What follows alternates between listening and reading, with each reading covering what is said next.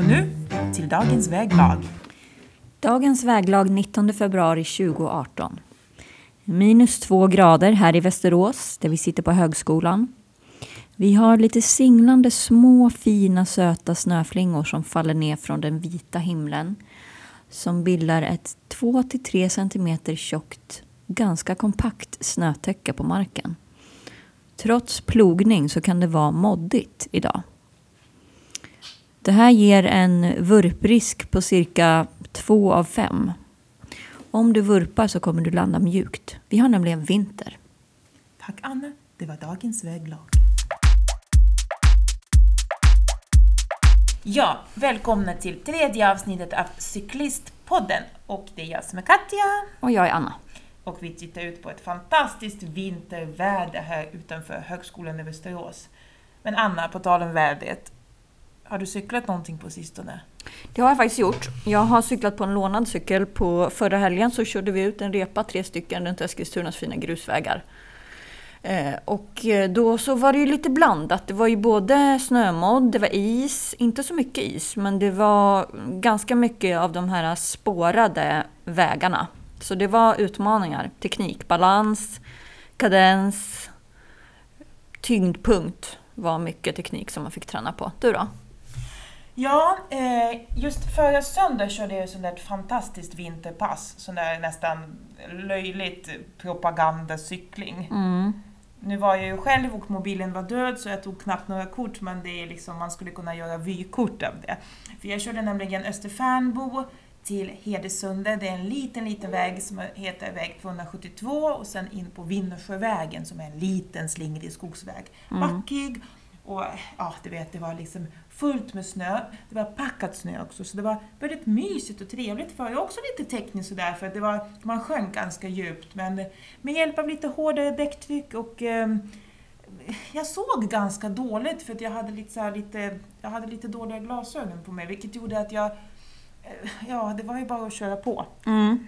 Så jag kunde inte resonera för mycket. Så det gick bra att cykla. Och det var så fint. Och, men du vet, det var en sån tur. Medan igår däremot när jag körde här i Västerås.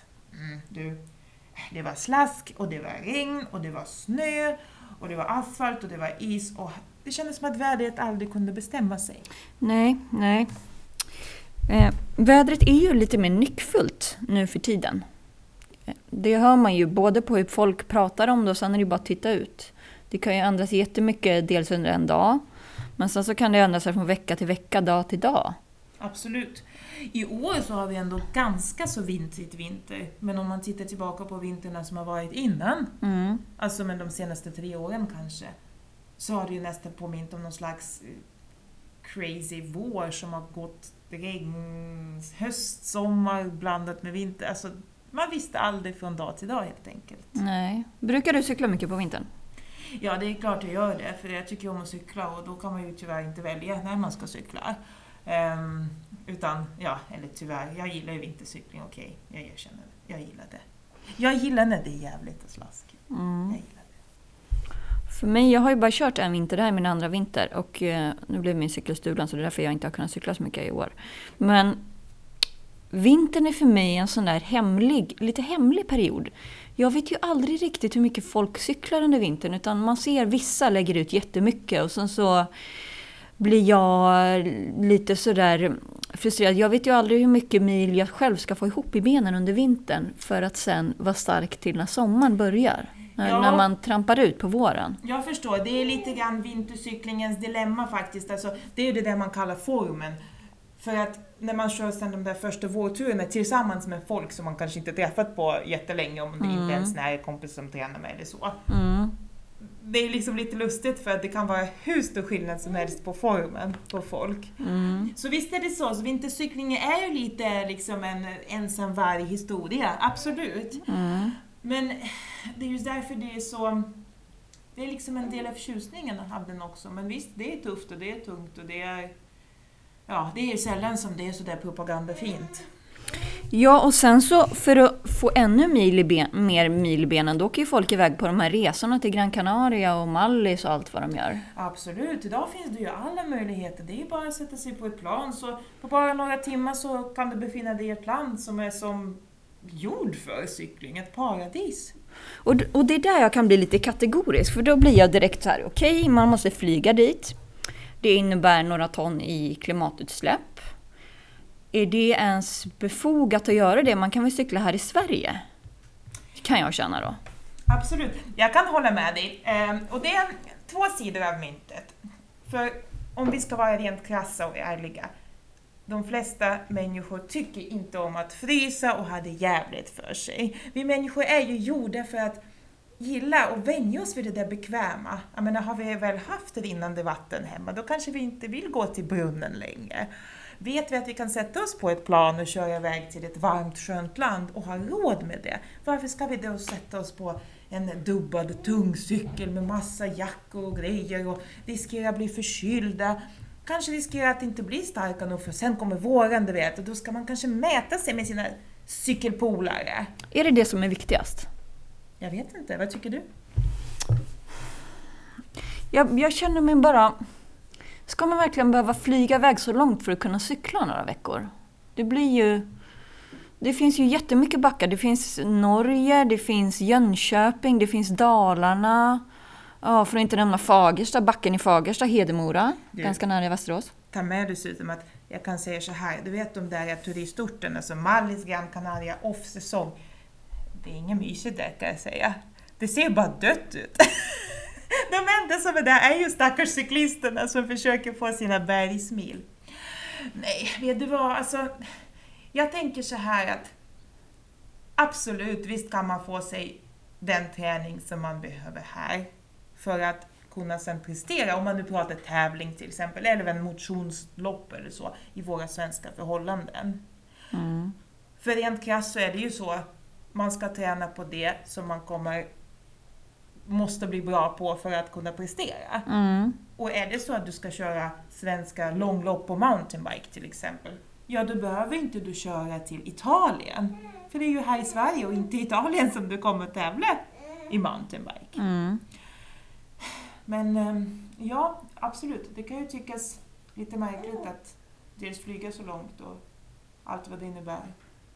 Men, ja, men sen, jag kan ju vara lite kategorisk sådär ibland och det finns vissa symbolfrågor som jag kan gå igång på sådär, till exempel flygresor är en sån grej. Men sen är jag ju ingen ängel heller. Jag flög ju till Kuba i somras till exempel, eller i höstas menar jag. Och det var ju en resa som kostade 6 ton. Och visserligen så klimatkompenserade den för 4 000 kronor. Och det var ju en självklarhet att göra för mig, men det var fortfarande en flygresa när vi hade slask och vinter här så åkte jag till Kuba för att kika närmare på det landet. Men sen Anna, tror inte du att det inte bara handlar om, om vi liksom bortser från den här råa, grova träningsfrågan, om vi lägger den åt sidan. Cykling är ju för 99,9% av oss allihopa en passion och ett intresse. Precis som vilket annat fritidsintresse som helst. Och det innebär det egentligen att det är fritid och då är det förknippat med nöje, med en härlig känsla. Och då handlar det väldigt mycket, kanske som din Kubaresa, om att byta miljö, lära sig nytt, träffa nya människor, den här nyfikenheten. Mm. Vilket cyklisterna ofta ju bär på, för jag menar, cyklister är ju ett nyfiket släkte. Det är ju, jag tror faktiskt det är en av anledningarna till att vi reser så mycket, är just för att vi vill se hur andra har det, testa nya vägar. Ett miljö, haha, miljöombyte. Mm. Mm. Men sen är man ju väldigt bilburen som cyklist också om man vill ta sig någonstans. I, alltså i, i Sverige eller kanske Norge. Eh, det kan ju vara närmare till Norges backar än till många backar, i alla fall från oss här i Mälardalen. Anna, vi bor i Mälardalen, det är långt till backar oavsett. Ja, vi har, vi har de västmanländska backarna i form av vinden. Jag kan försäkra dig, jag känner många cyklister som bor i Falun och Jönköpingstrakten, de reser inte alls lika långt. Nej, men skämt åsido så är det ju faktiskt så att jag måste erkänna själv, jag är en cyklist-bilist, bilist-cyklist. Um, även om jag försöker samåka så mycket som möjligt, till exempel till tävlingar, så blir det ju lätt så att man sätter sig i bilen för att ta sig dit man ska cykla. Mm. Och jag kan faktiskt helt ärligt inte säga att det är bara när det är tävlingslägen. Ibland kan jag faktiskt sätta mig i bilen och åka till exempel upp till Fagersta. För där finns det en jättebra backe att träna på. Mm. Så jag kör dit, jag ställer min bil själv Mm. i en stor bil. Och så kör jag den där backen några gånger, sen sätter mig i bilen och åker hem. Mm. Och jag kan faktiskt inte jag kan inte ursäkta det. Det enda jag gör det för, det är helt enkelt för det är en bra backe och jag tycker om träna där.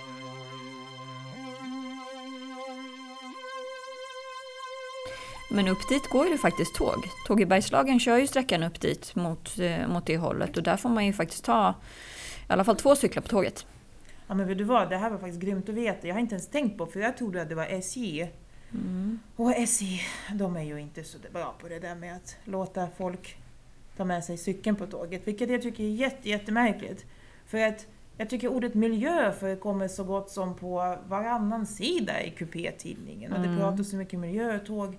Men hur ska man få folk att åka tåg om man stoppar de allra självklaraste bitarna, som till exempel att ta med sig cykel? Ja, alltså i flera, dels söderut i Sverige, i Skåne och så, får man ju ta med cykeln mot en mindre biljettavgift då, då, men även i, i Danmark och i Holland och Tyskland har man inga problem heller. Där, där gör man ju hela vagnar, eller halva vagnar med massa cykelställ, det är bara att åka på. Ja absolut, och jag menar vi är ju ett glest befolkat land. Ja. Du vet, för att jag kommer ihåg när jag bodde i Stockholm så kunde man ibland ta sig med cykeln och det gjorde jag på SLs, alltså Stockholm läns pendeltåg. Mm, precis. Och då kom jag att tänka på det här loppet som jag körde mm, tillsammans med ett 30-tal andra i vintras med The Basemile Snowdown som du faktiskt eh, var inspirationskälla till att köra. Det är ju ett tredagarslopp i Sörmland och då det som, förutom att man kör i fantastiska spännande vinterväglag och, och njuter av det tillsammans så samlas man ju på en pendeltågstation, Östertälje, vilket gör att då, de som bor i Stockholmsområdet, de kan ta pendeltåget och med cykeln. Och då spar man ju in flera bilar som annars hade behövt åka. Plus att det blir liksom en, jag tycker det blir en så kul grej när alla står och väntar på tåget sen efter loppet du vet och sen sitter alla och huttrar och kanske dricker en cola eller äter en god bit på tåget och sen säger alla hej då och hoppar av på varsin station. Ja, det är rätt. Jo, men Base Mile Snowdown är ju faktiskt ett väldigt bra exempel på när cyklisterna gör någonting väldigt roligt med tanke på vår omvärld och naturen. För dels så är det ju samåkning, tågstationen, sen är det maten som serveras där, eller serveras, man köper ju inte tillsammans då och sen så lagar man ihop då. Det är ju faktiskt miljövänligt, oftast det mesta är ekologiskt och det är bara vegetariskt. Och det mesta är vegan dessutom. Um, vilket gör att precis alla kan äta det med gott samvete. Så det är faktiskt ett väldigt bra exempel. Men det är ju ett enskilt event. Vad kan man som enskild cyklist göra överhuvudtaget? Har man så mycket makt? Jo, men det har man ju. Alltså, som exempel VCK då, vi har ju miljöarbete faktiskt i vår klubb. eh, Som jag var med och drev igång då. Då kan man ju tänka, ta fram en miljöpolicy kan man göra. Kan man eh, organisera ihop sig tillsammans då och ta fram några enkla frågor. Det är alltifrån det eh, här vad man köper inför något på loppen. Man serverar ju ofta kaffe, bananer. Köp och kravmärkt och rättvisemärkt. Man har bakat av den. Sen så fixa källsortering. Då får man ju ofta de här pappmuggarna som man dricker i. Man kan ha saft också, ekologisk saft finns. Kör man källsortering på plast och papper, metall, kanske burkar. Man kanske har någon eh, rättvis kola där som man delar ut eller man kanske har en annan läsk. Man samlar pantburkar. Och sen så kan man ju köra burgare, kan man köra vegoburgare, man kan köra de här sakerna. Sen är det ju följebilarna.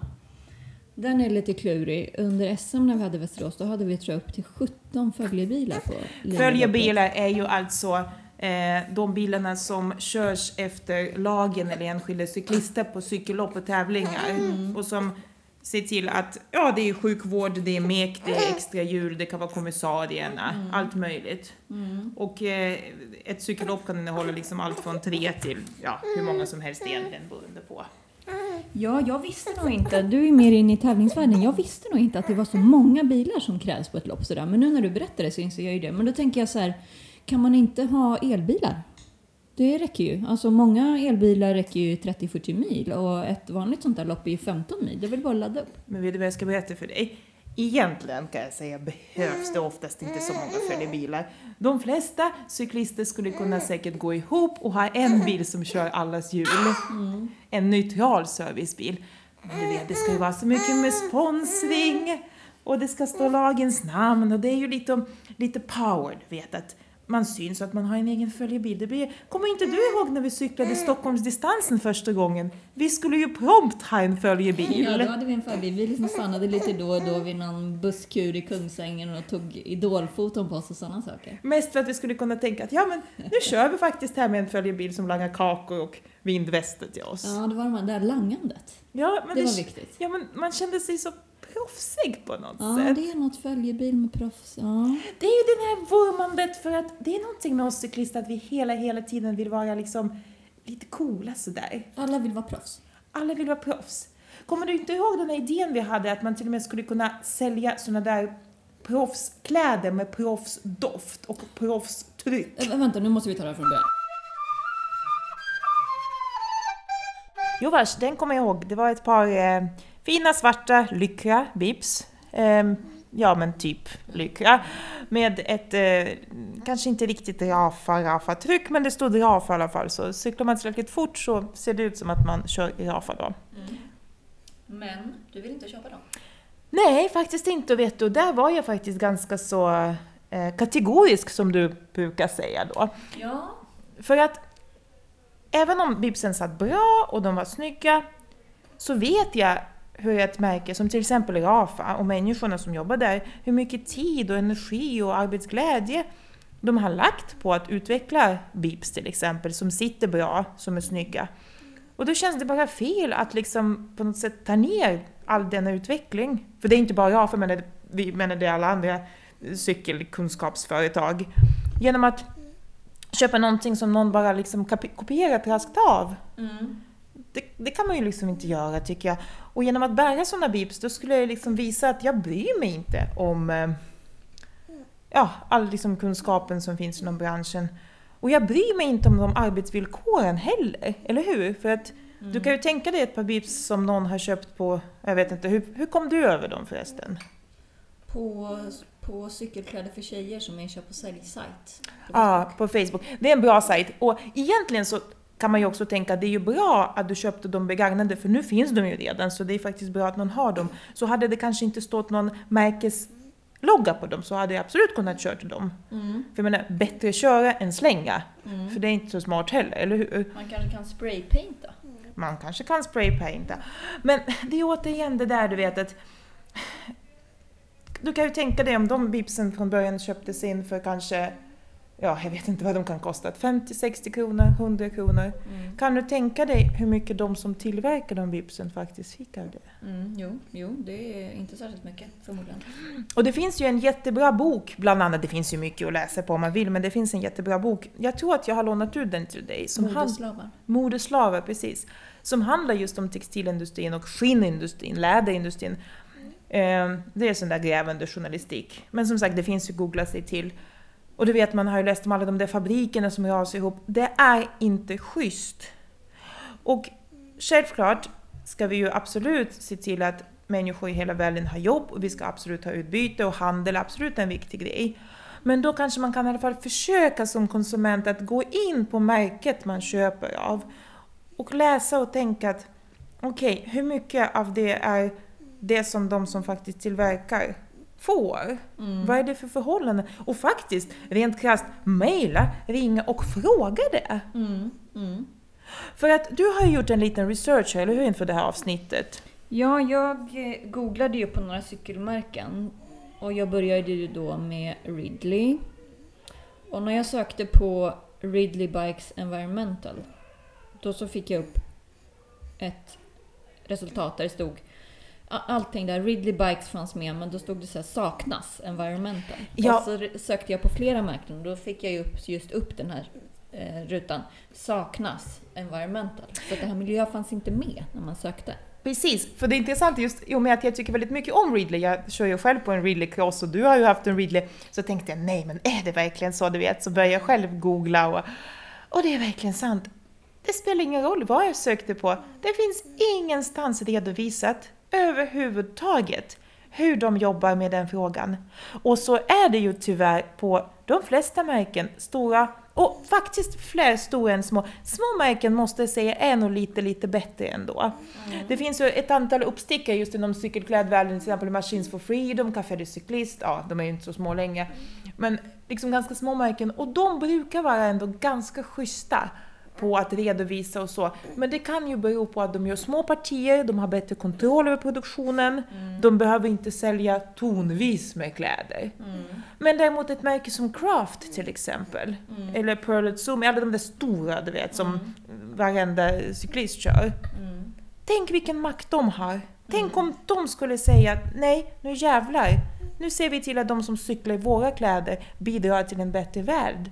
Inte till att människor får cancer och dör när de tillverkar kläderna. Ja, för vi kör ju i material som ofta är då det här, det kan stå spandex eller lycra eller polyamid eller polyester och sådär. Och det som det är, det är ju olja. Det är olja och varför man har det i, det är ju för att kläderna ska hålla bättre. Det är lätt att tvätta dem, man måste ju tvätta dem väldigt ofta då, men de håller, det förlänger hållbarheten på kläderna.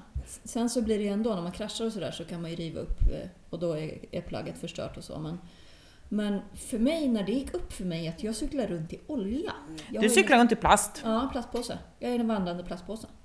Och det är också intressant för idag så har vi ju faktiskt material som Absolut, de kanske inte kan ersätta samtliga plastens egenskaper, för de är ju väldigt bra, det är ju därför man har syntetiska material. Men det finns ju till exempel material som lyocell, det finns cellulosabaserade material, det finns bambu. Mm. Bambu är ett fantastiskt material, det går redan nu att köpa till exempel strumpor i bambu. Mm. Det är ungefär som ylle fast lite svalare, perfekt för sommar sommarcykling till exempel. Tänk om vi bytte ut alla syntetstrumpor mot bambustrumpor? Ja, bara det vore en extrem vinning. Ja. Dels för de som tillverkar det, dels för miljön som sagt, om jag inte längre fossilt på fossingarna. Mm. Um, så bara en sån liten sak. Sen till exempel finns det de där retro-ish märken som kör mycket ylle. Det kan man ju också tycka vad som helst. Det finns ju liksom både schysst producerat ylle och mindre schysst producerat ylle, tyvärr. Så jag menar, köper man en tröja av ylle som kostar 200 spänn så är det tyvärr kanske inte alltid schysst producerat ylle. Mm. Men det är samma sak där, kolla upp. Mm. Um, så att där kan man faktiskt som konsument, visst, självklart, man kan inte åläggas allt ansvar och man kan inte ha all makt. Men den lilla makten man har tycker jag att man kan i alla fall ställa frågan. Man kan fundera en liten bit innan man handlar plagget. Att för det första, behöver jag ett nytt plagg? Mm, och om jag nu ska köpa det plagget eller vad det nu är, eller en ny cykel överhuvudtaget, hur är det tillverkat? Ställa frågan. Mm, både ställa frågan om man ska köpa nytt eller jag kör ju mycket begagnade kläder då. Att man, försöker, man kan byta med varandra så blir det en skillnad för båda. Båda får något nytt. Byta eller sälja begagnade kläder. Ja, för att nu pratar vi åter Rafa i och för sig, men det var för att jag började med ganska tidigt och när jag började cykla och jag brukar till och med få lite små spydiga kommentarer att ja men här minsann körde jag för åh, ja det är så lyxigt och så. Men faktum är att jag har tror jag, två eller tre tröjor mm. varav typ alla är fyra, och till och med en som är fem år gammal.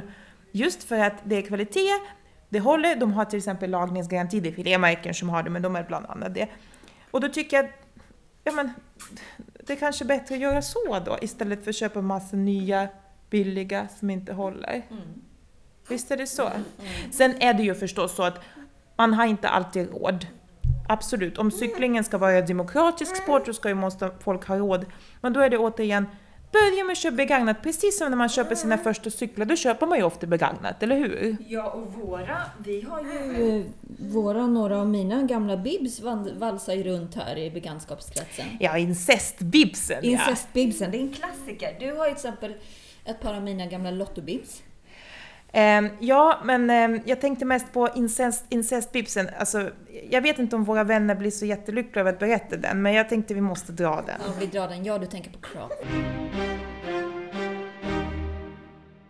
Sagan om incestbibsen. Det är lätt. Uh, jo, en gång i tiden så hade vi en kompis vilket vi förhoppningsvis fortfarande har, men det vet man inte efter det avsnittet. Men hur som helst så köpte hen ett par snygga, svarta, stilrena och väldigt tunna sommarbibs. Vad hände sen? Um, jo, alltså det som hände var ju att um, hen tyckte att det syntes lite väl mycket... Könshår? genom bipstyget. Ja, vad hände då? Men eh, det var väl då du fick dem? Då gick de över till mig. Varför då? Ja, men det var väl på grund av det där håret. Ja, mina stack inte ut lika mycket. Men likt förbannat så fick jag de där bipsen till slut. Varför då? Ja, men det måste jag fråga dig. Ja, det måste du fråga mig. Jag har faktiskt aldrig ställt dig frågan. Just det Anna, varför fick jag de bipsen egentligen? de var så snygga och svarta. Var det verkligen för att du var så snäll mot mig? Men du, varför berättar vi det här egentligen? Jo, jag tror vi berättade det för att du vet, senast igår så körde de den här bipsen. Jag älskar de där bipsen. Jag tvättar de här bipsen väldigt, väldigt mycket. Alla behöver inte tycka att ett par bips som har gått runt hela laget. För det är någon till, jo jag tror att det var en till kompis som faktiskt testade de där bipsen. Och vet du, han visste inte att det var... Att det var dem? Nej, han visste inte. Oj, så han tyckte de var helt okej? Nej, han lämnade tillbaka dem eftersom könshåren syntes igenom lite väl mycket. Så nu cyklar de här bipsen. De här bipsen har synts på ganska många av mina inlägg. Ja, Folk bra. tycker de är snygga. Jag tycker de är snygga. De passar superbra under vintertights. Mm, Och- Och poängen är med den historien egentligen att man behöver inte göra det så himla himla svårt för sig om man behöver ett par snygga svarta bips.